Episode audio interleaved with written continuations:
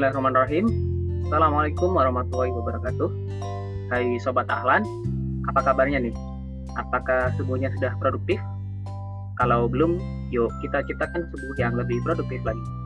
Uh, baik, uh, pada episode podcast Ahlan kali ini uh, bersama saya Takirin Jafar yang mandu, kita akan banyak bincang santai nih mengenai uh, Ramadan ya sebagai bulan mengenal diri gitu ya. Itu uh, untuk itu kita bahasnya bukan dengan saya sendiri tentunya, sudah bersama dengan saya uh, Kang Faisal. Halo Kang Faisal, Assalamualaikum. Halo Kang, Waalaikumsalam warahmatullahi wabarakatuh. Halo Kang Taki. Hmm, gimana kabarnya Kang? Iya, alhamdulillah baik, baik, alhamdulillah, alhamdulillah. Kang Taki gimana? Sehat? Uh, alhamdulillah sehat ya kesibukannya apa aja nih Kang Faisal belakangan? Belakangan, kalau ditanya kesibukan pasti saya cuma bilangnya saya ngajar. Kesibukannya apa ngajar? Uh, ya ngajar aja. yeah, uh, Dan nggak ahlan itu sibuk ya, nggak ahlan. Oke okay, mantap. Ya semoga diberkahi, diberi kelancaran ya kesibukannya ngajar dan banyak manfaat nanti di sana. Amin amin ya robbal alamin. Oke kita masuk aja kita ke pembahasan. Siap. Uh, jadi bulan Ramadan ini kan bulan mensucikan diri. Apa sebenarnya yang menjadikan bulan Ramadan ini bulan yang ideal untuk mengenal diri kan? Menurut Kang Kaisal. Untuk mengenal diri ya. Baik. Mm -hmm. uh, ini relate mungkin sama bahasan talent mapping ya, mengenal diri. Oke, jadi uh, yang saya pelajari dari guru saya Bahrama beliau bilang untuk mengenal diri itu perlu banyak aktivitas. Kita lebih umumin lagi ya. Sebenarnya aktivitas itu lebih umumnya apa? Proses gitu ya. Proses itu di dalamnya bisa aktivitas, bisa eh, apa ya? kuliah juga aktivitas ya dan lain-lain gitu ya. Apa pun yang kita kerjakan ya jadi sebuah proses. Dan mengenal diri itu eh, pada akhirnya memetakan ya mana yang bisa dilakukan mana yang enggak gitu ya dan parameter mana yang bisa dilakukan mana yang enggak itu eh, dengan yang lebih ini lebih mudah dengan teori 4E easy, enjoy, excellent dan earn gitu. Mana yang easy, enjoy dilakukan, mana yang earn dilakukan dan excellent hasilnya pun seperti itu. Namun tidak bisa serta merta kita langsung mengetahui mana yang kita bisa mampu 4E kita lakukan dan tidak tanpa melakukan sesuatu. Seperti halnya duren gitu ya. Kamu suka duren nggak? Kang Taki suka duren nggak btw? Uh, uh, suka sih suka. Suka. Bisa nggak Kang Taki bilang suka duren tapi belum makan duren? Ya enggak dong. Mm -mm. Nggak dipercaya dong. Dipercaya tidak valid ya? Iya kurang valid. Mm-mm, karena perlu perlu ada proses mencoba dulu makan dulu dan lain sebagainya gitu dari durian tersebut. Nah makanya dari uh, analogi tersebut sama seperti kita bilang bi jago A, jago B, nggak bisa A, nggak bisa B tanpa kita ada proses mengerjakan hal tersebut gitu kayak gitu. Itu yang pertama dasarnya dulu. Dan e, apa kaitannya dengan bulan Ramadan? Jadi seperti ini. Sesuatu dengan hal yang terukur itu membuat kita mudah untuk e, mengukur kemampuan kita untuk mencapainya juga. Gitu. Hal yang terukur mem membuat batasan-batasan konkret sehingga kita bisa e,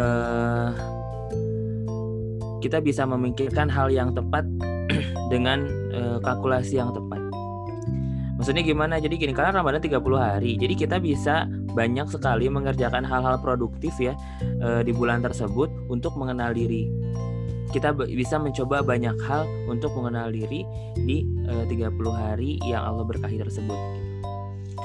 Seperti yang halnya yang dibilang sama Ustaz uh, ini ya Bang Bang Ade ya, Adian di Ahlan Batch 2. Beliau bilang kita perlu punya visi bulan Ramadan visinya apa? Bulan Ramadan itu eh, apa sih yang ingin kita capai?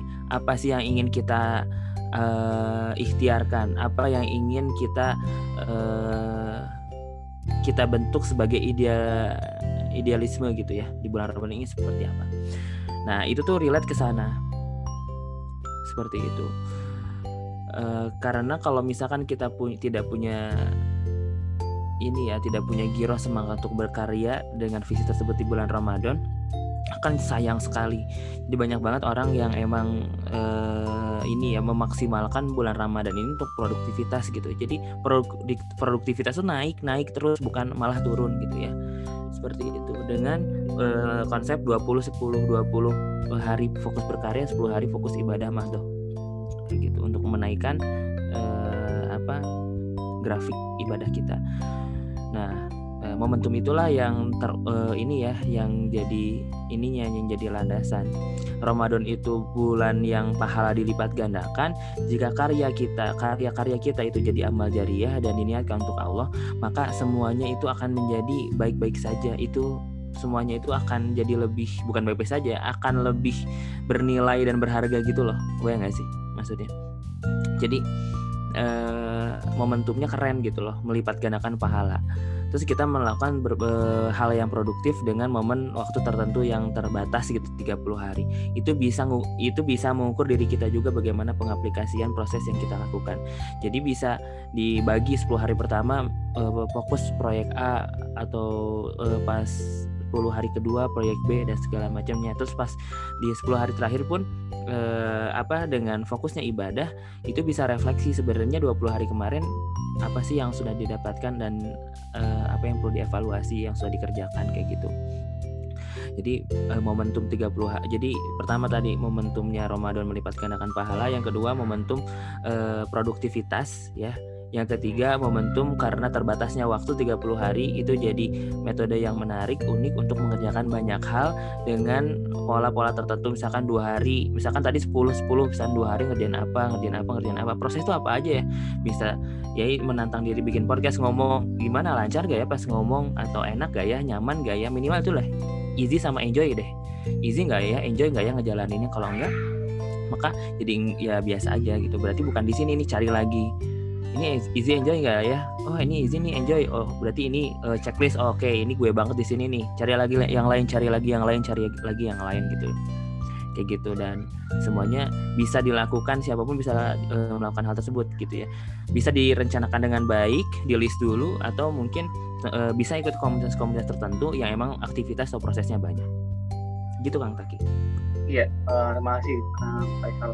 Jadi uh, masuk ya tadi bagaimana uh, mengenal diri itu bagian dari diri kita yang kurang apa gitu ya atau mengetahui batasan diri. Nah itu sebenarnya uh, idealnya itu dilakukannya sebelum atau di saat bulan Ramadan itu ya kan jadi kan uh, apa di tengah perjalanan bulan Ramadan itu atau sebelum bulan Ramadan idealnya kita udah mengetahui itu kan idealnya sebelum sih. Hmm. Hmm, sebelum Ramadan udah tahu. Cuma ini uh, cash produktivitasnya gitu loh. Iya iya iya. Nah terus eh, apa namanya? Kira-kira apa apa saja hal yang diperlukan untuk membantu seorang ini mengenal dirinya di bulan Ramadan?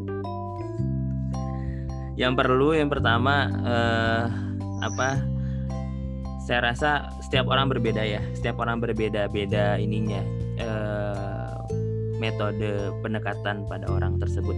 Ada yang ini perlu berarti jawabannya perlu disadari dulu dia itu tipikal orang seperti apa. Eh, apakah tipikal orang yang emang e, bisa membuat target sendiri atau enggak? E, tipikal yang bisa bergerak sendiri tanpa partner atau enggak? Tipikal yang perlu berkelompok atau enggak?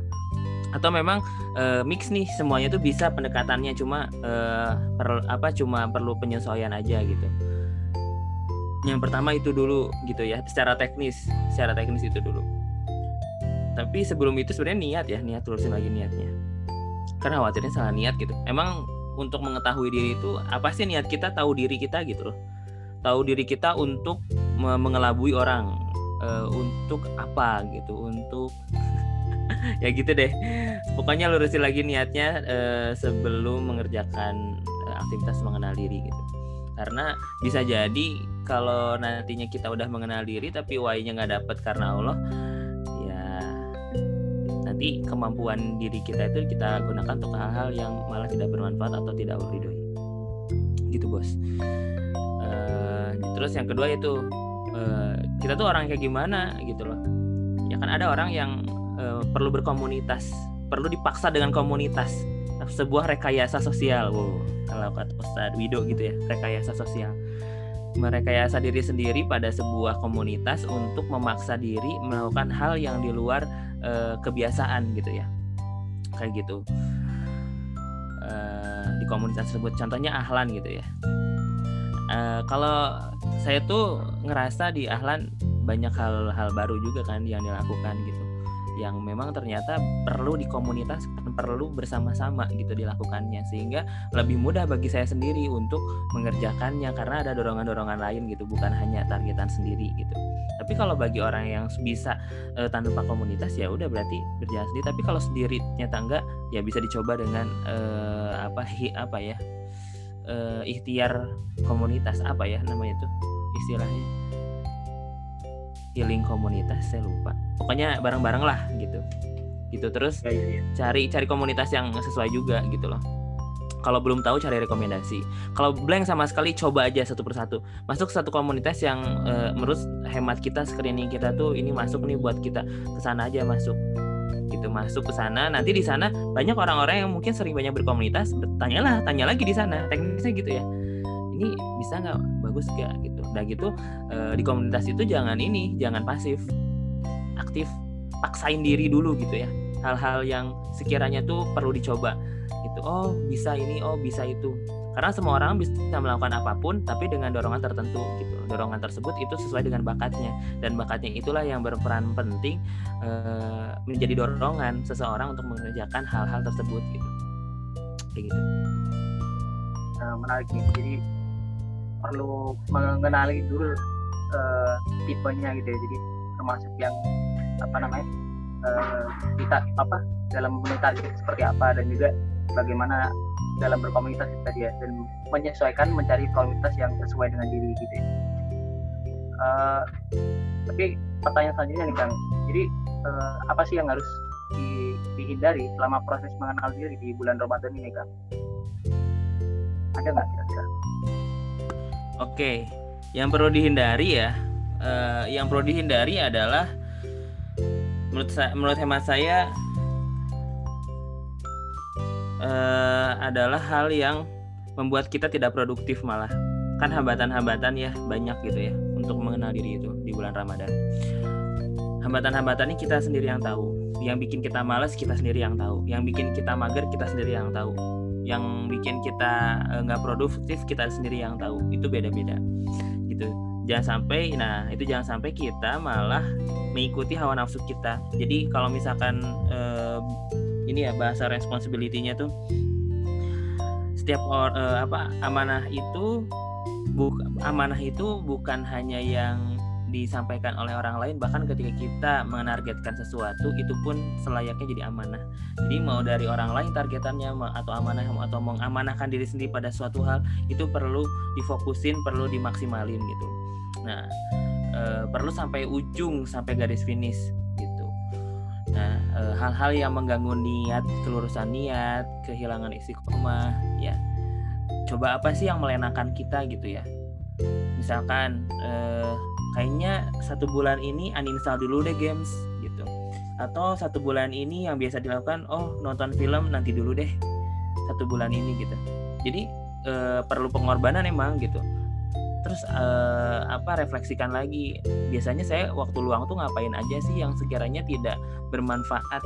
Nah yang sekiranya tuh waktunya malah habis untuk kerjaan itu daripada target-target yang udah dibuat produktivitas produktivitas produktivitas yang perlu dibuat. Komunitas-komunitas yang sudah saya ikutin. Kan kita perlu, perlu bertanggung jawab atas pilihan kita juga untuk masuk ke sana gitu ya. Ya kan? Ketika kita masuk dalam sebuah uh, komunitas organisasi pasti tidak semuanya aktif. Coba teman-teman uh, refleksikan kalau kita jadi orang yang uh, apa ya yang mengorganisir komunitas tersebut apa sih rasa uh, apa bagaimana ini ya bagaimana sudut pandangnya jika uh, keaktifan itu tuh muncul gitu ya dari pesertanya. Kan itu jadi nilai plus gitu ya. Nah uh, begitu juga kita ketika kita ada di sebuah apa namanya ada sebuah komunitas layaknya kita berperan bagaimana uh, fasilitas yang di sana itu sudah sudah sediakan gitu gitu ya. Misalkan di Ahlan di sini ada fasilitasnya. Jadi apa? Jadi moderator jadi notulensi jadi recorder uh, berbagi insight. Kan aktivitasnya banyak ya. Nah coba perlahan coba satu persatu. Sehingga kita tahu kita tuh masternya di mana. Kita tuh uh, emang nggak masternya di mana gitu. Itu sederhana notulensi ya. Itu nggak mudah loh teman-teman. Jadi kadang notul doang gitu. Itu sulit loh kalau nggak punya daya tangkap yang cepat gitu. Gitu. Dan nggak bisa juga kalau misalkan kita asal eh, apa ya asal bilang ke orang ah kok gini doang nggak bisa sih? Itu kurang bijak gitu. Karena tidak semua orang mampu apa yang kita lakukan eh, dan dia lakukan gitu masternya di mana itu bisa banget gitu ya. Terus mau ngemomod ya kan ngomong doang kan enggak. Padahal gitu nggak semua orang mampu mengerjakan hal tersebut. Dan ketika ada fasilitasnya kita maksimalin. Ketika ada eh, tempatnya kita maksimalin jadi lebih asik gitu loh. Gitu. Jadi nanti dari misalkan dari empat aktivitas itu proses itu mana nih yang gue banget? Oh ini. Oke. Okay. oh semuanya nggak gue banget. Cari lagi yang lain. Kan kurang lebih seperti itu ya uh, gitu jadi memang ini ya apa namanya uh, banyak dan apa namanya uh, nafsu yang perlu ditinggalkan juga tadi ya bagaimana hmm. melawan apa namanya uh, ya apa sih syahwat syahwat ketika bulan Ramadan ini termasuk uh, misalkan mengetahui dirinya seperti apa kemudian menjadikan hal itu alasan ya saya hmm. emang tipenya kayak gini itu kan juga jadi masalah juga ya emang. Uh, ini sepertinya waktunya kita terbatas Kang. Jadi saya minta satu hal aja, satu hal kunci dari Kang Faisal. Kira-kira apa yang perlu diterapkan selama proses mengenal diri selama bulan Ramadan ini? Satu hal kunci aja dari yeah. Kang Faisal. Satu hal kunci ya, apa ya? Satu hal kunci. Koenji, koenji. Satu hal kunci. Niat sih. Balik ke sana ya.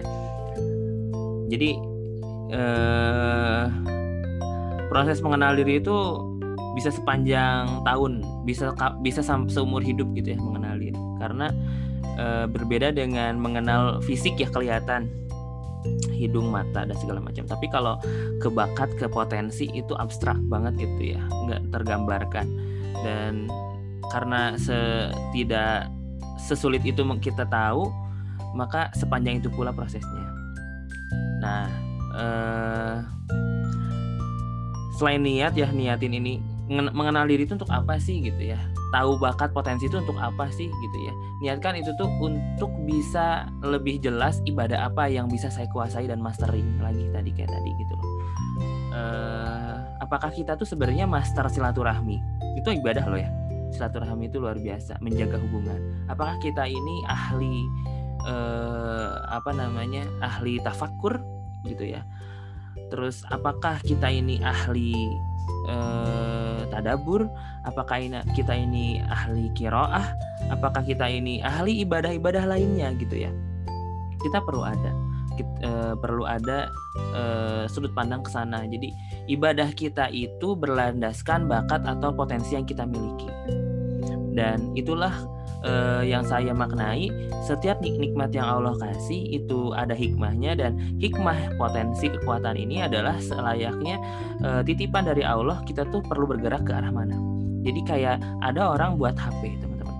Ada orang buat HP orang yang bikin HP ini saya yakin punya uh, rasa ini ya punya targetan sendiri punya tujuan khusus kenapa HP ini diciptakan Ketika HP ini diciptakan dengan tujuan khusus tersebut, maka HP tersebut akan menjadi akan akan jadi seperti itu misalkan HP-nya anti air gitu ya. HP-nya mahal, HP-nya uh, Snapdragon 888.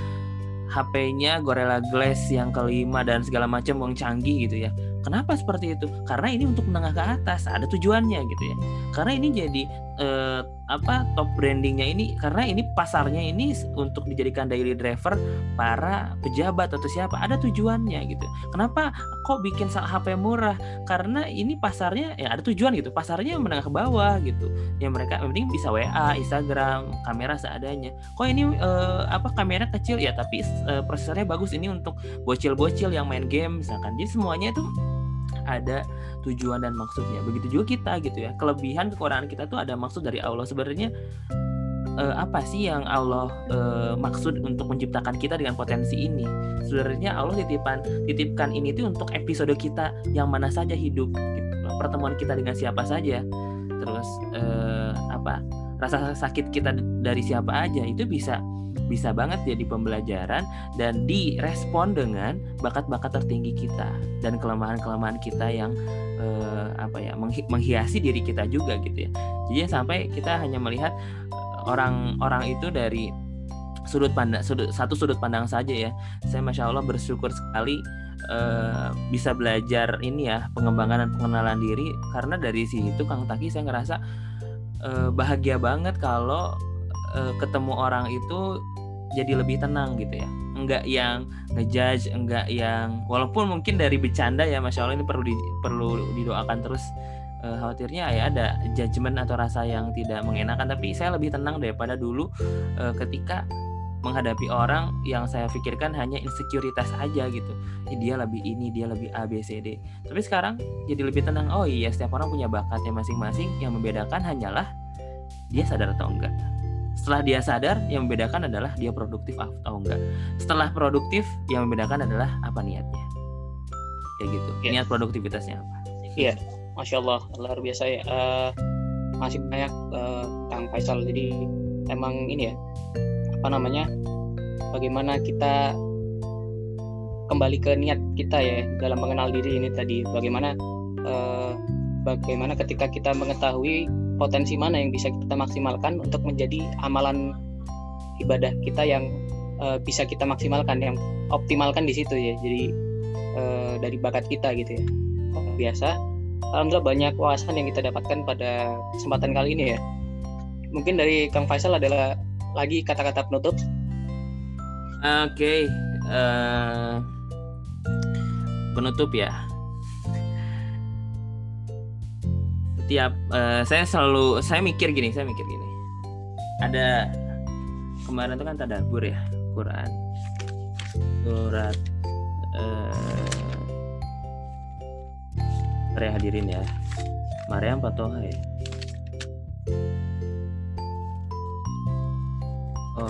oh Maryam. Maryam Ntar hadirin ya.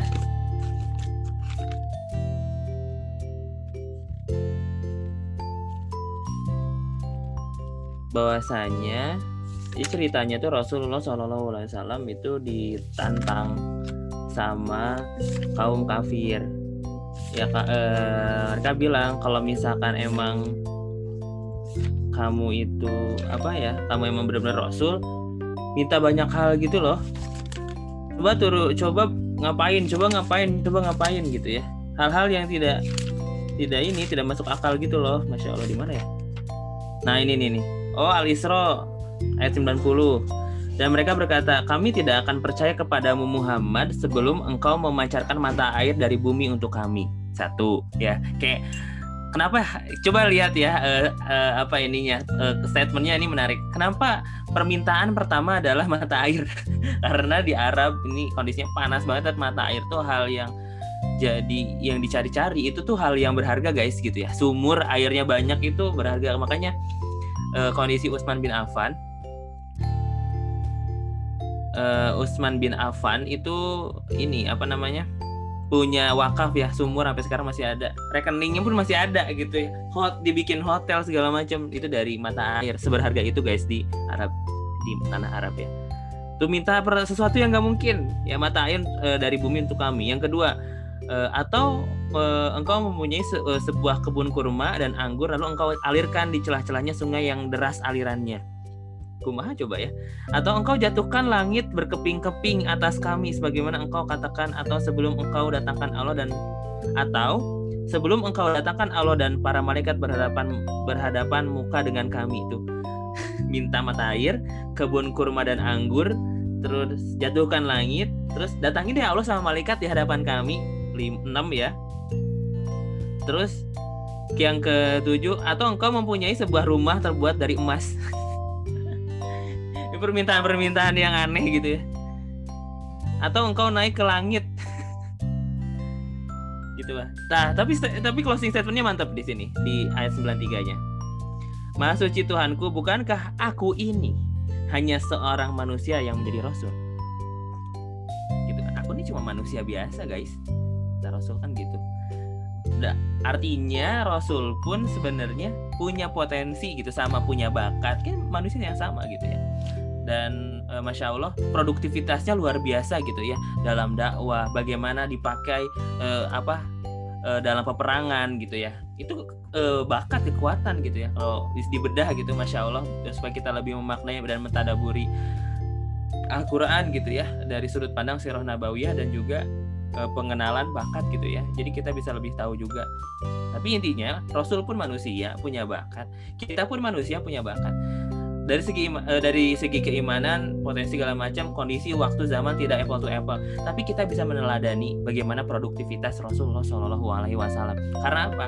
Orang terdesak dalam terdesak kondisi terdesak itu mengeluarkan potensi apa yang dia punya kan? Bukan ketika terdesak e, mencari sesuatu yang nggak dia punya. Misalkan Kang Taki kalau misalkan Kang Taki nih punya naudzubillah ya contoh aja. E, ada orang nih ya ada orang punya hutang 2 miliar perlu bayar satu minggu lagi. Apa yang kira-kira orang ini akan lakukan?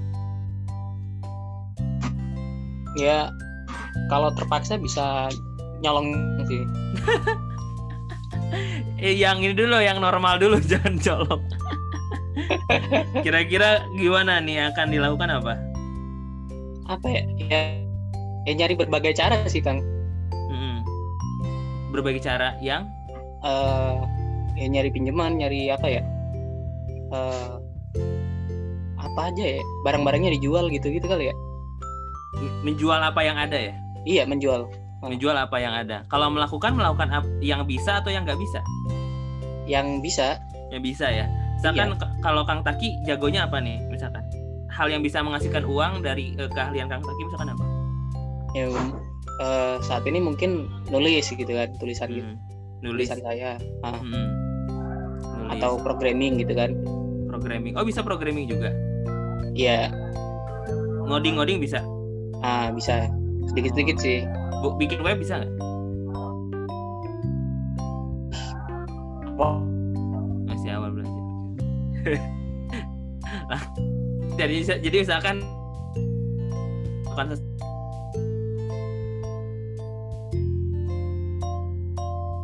kurang nyolong gitu bisa bisa instan nulis dapat uang kan gitu. Kalau nggak bikin uh, apa programming dikejar sebenarnya bisa punya bakat ke sana akhirnya berusaha untuk mengerjakan hal tersebut kan. Bukan yang aku tuh nggak bisa banget public speaking cari uang dong kamu jadi ini jadi eh, MC jadi apa gitu kan. Pasti yang difokusin itu ke kelebihan dulu gitu ya daripada kekurangan untuk menghasilkan sesuatu dalam keadaan terdesak. Nah, kata Abah Rama, seseorang jika dalam kondisi yang terdesak maka dia akan barulah fokus ke apa yang dia punya dan barulah dia fokus pada kekuatannya gitu orang terdesak itu kepepet gitu ya. Bayangkan Rasulullah SAW itu kepepetnya luar biasa loh terpepet dipepet gitu ya sama uh, kaum kafir uh, Mekah terus sama Romawi sama apa ya fight backnya dengan apa yang dimiliki kekuatan yang dimiliki. Dan itu salah satu sudut pandang produktivitas seperti itu. Jadi kita perlu memaksimalkan apa yang kita punya dan uh, kita perlu sadari kalau kita kalau kekuatan tersebut tuh nggak semua orang punya. Kita punya belum uh, belum tentu orang lain punya. Ini perlu sadari ya. Dan yang kedua adalah tentang kedewasaan. Nah ini. Udah tahu bakatnya udah produktif gitu ya. Niatnya ah, insya Allah tapi kadang kedewasaan ini yang jadi uh, pembenaran. Jadi nggak efektif dan segala macam. Jadi produk kedewasaan juga dalam menangani bakat sendiri kelebihan sendiri. Pengenalan diri mulailah dengan niat yang baik untuk produktif untuk ibadah dan kuasai diri sendiri dengan kedewasaan. Karena kedewasaan ini yang menentukan seberapa uh, produktif kita dengan uh, setiap kebaikan yang bisa kita lahirkan. Dan kita pun bisa menghalau dan meng, uh, mengontrol kelemahan kita dengan lebih bijak juga. Jangan sampai ketar ketika udah mengenal diri dan aku makan seperti ini aku kan gini aku ini jadi pembenaran. Malah itu tuh jadi challenge gitu ketika ada hal-hal yang memang di luar kendali kita dan di luar eh, potensi kekuatan kita bagaimana untuk eh, mengendalikannya. Gitu Kang Taki eh, luar biasa masya Allah. Masih banyak Kang Faisal yang udah menempatkan berbagi banyak ilmu yang yang insya Allah bermanfaat ya. Eh, Alhamdulillah. Seperti apa namanya yang di surah Al-Fajr ya. Eh Al-Syams surah Asam Eh, yang kita diberikan diilhamkan alhamaha fujuraha wa taqwaha. Ya dengan potensi fujur dan potensi takwa bagaimana kita maksimalkan potensi-potensi tadi gitu kan. Ya eh, udah tersampaikan tadi banyak salah dari Kang Faisal. Eh, mungkin kita cukupkan aja. Semoga insight-insight yang eh, disampaikan tadi dari Kang Faisal mampu kita maknai dan menjadi ilmu yang bermanfaat. Eh, kalau para sobat ahlan yang mendengarkan merasa banyak manfaat yang didapat dari podcast ini, silakan disebarkan eh, agar tidak berhenti di kamu. Gitu. Eh, mungkin saya kasih pantun dikit ya.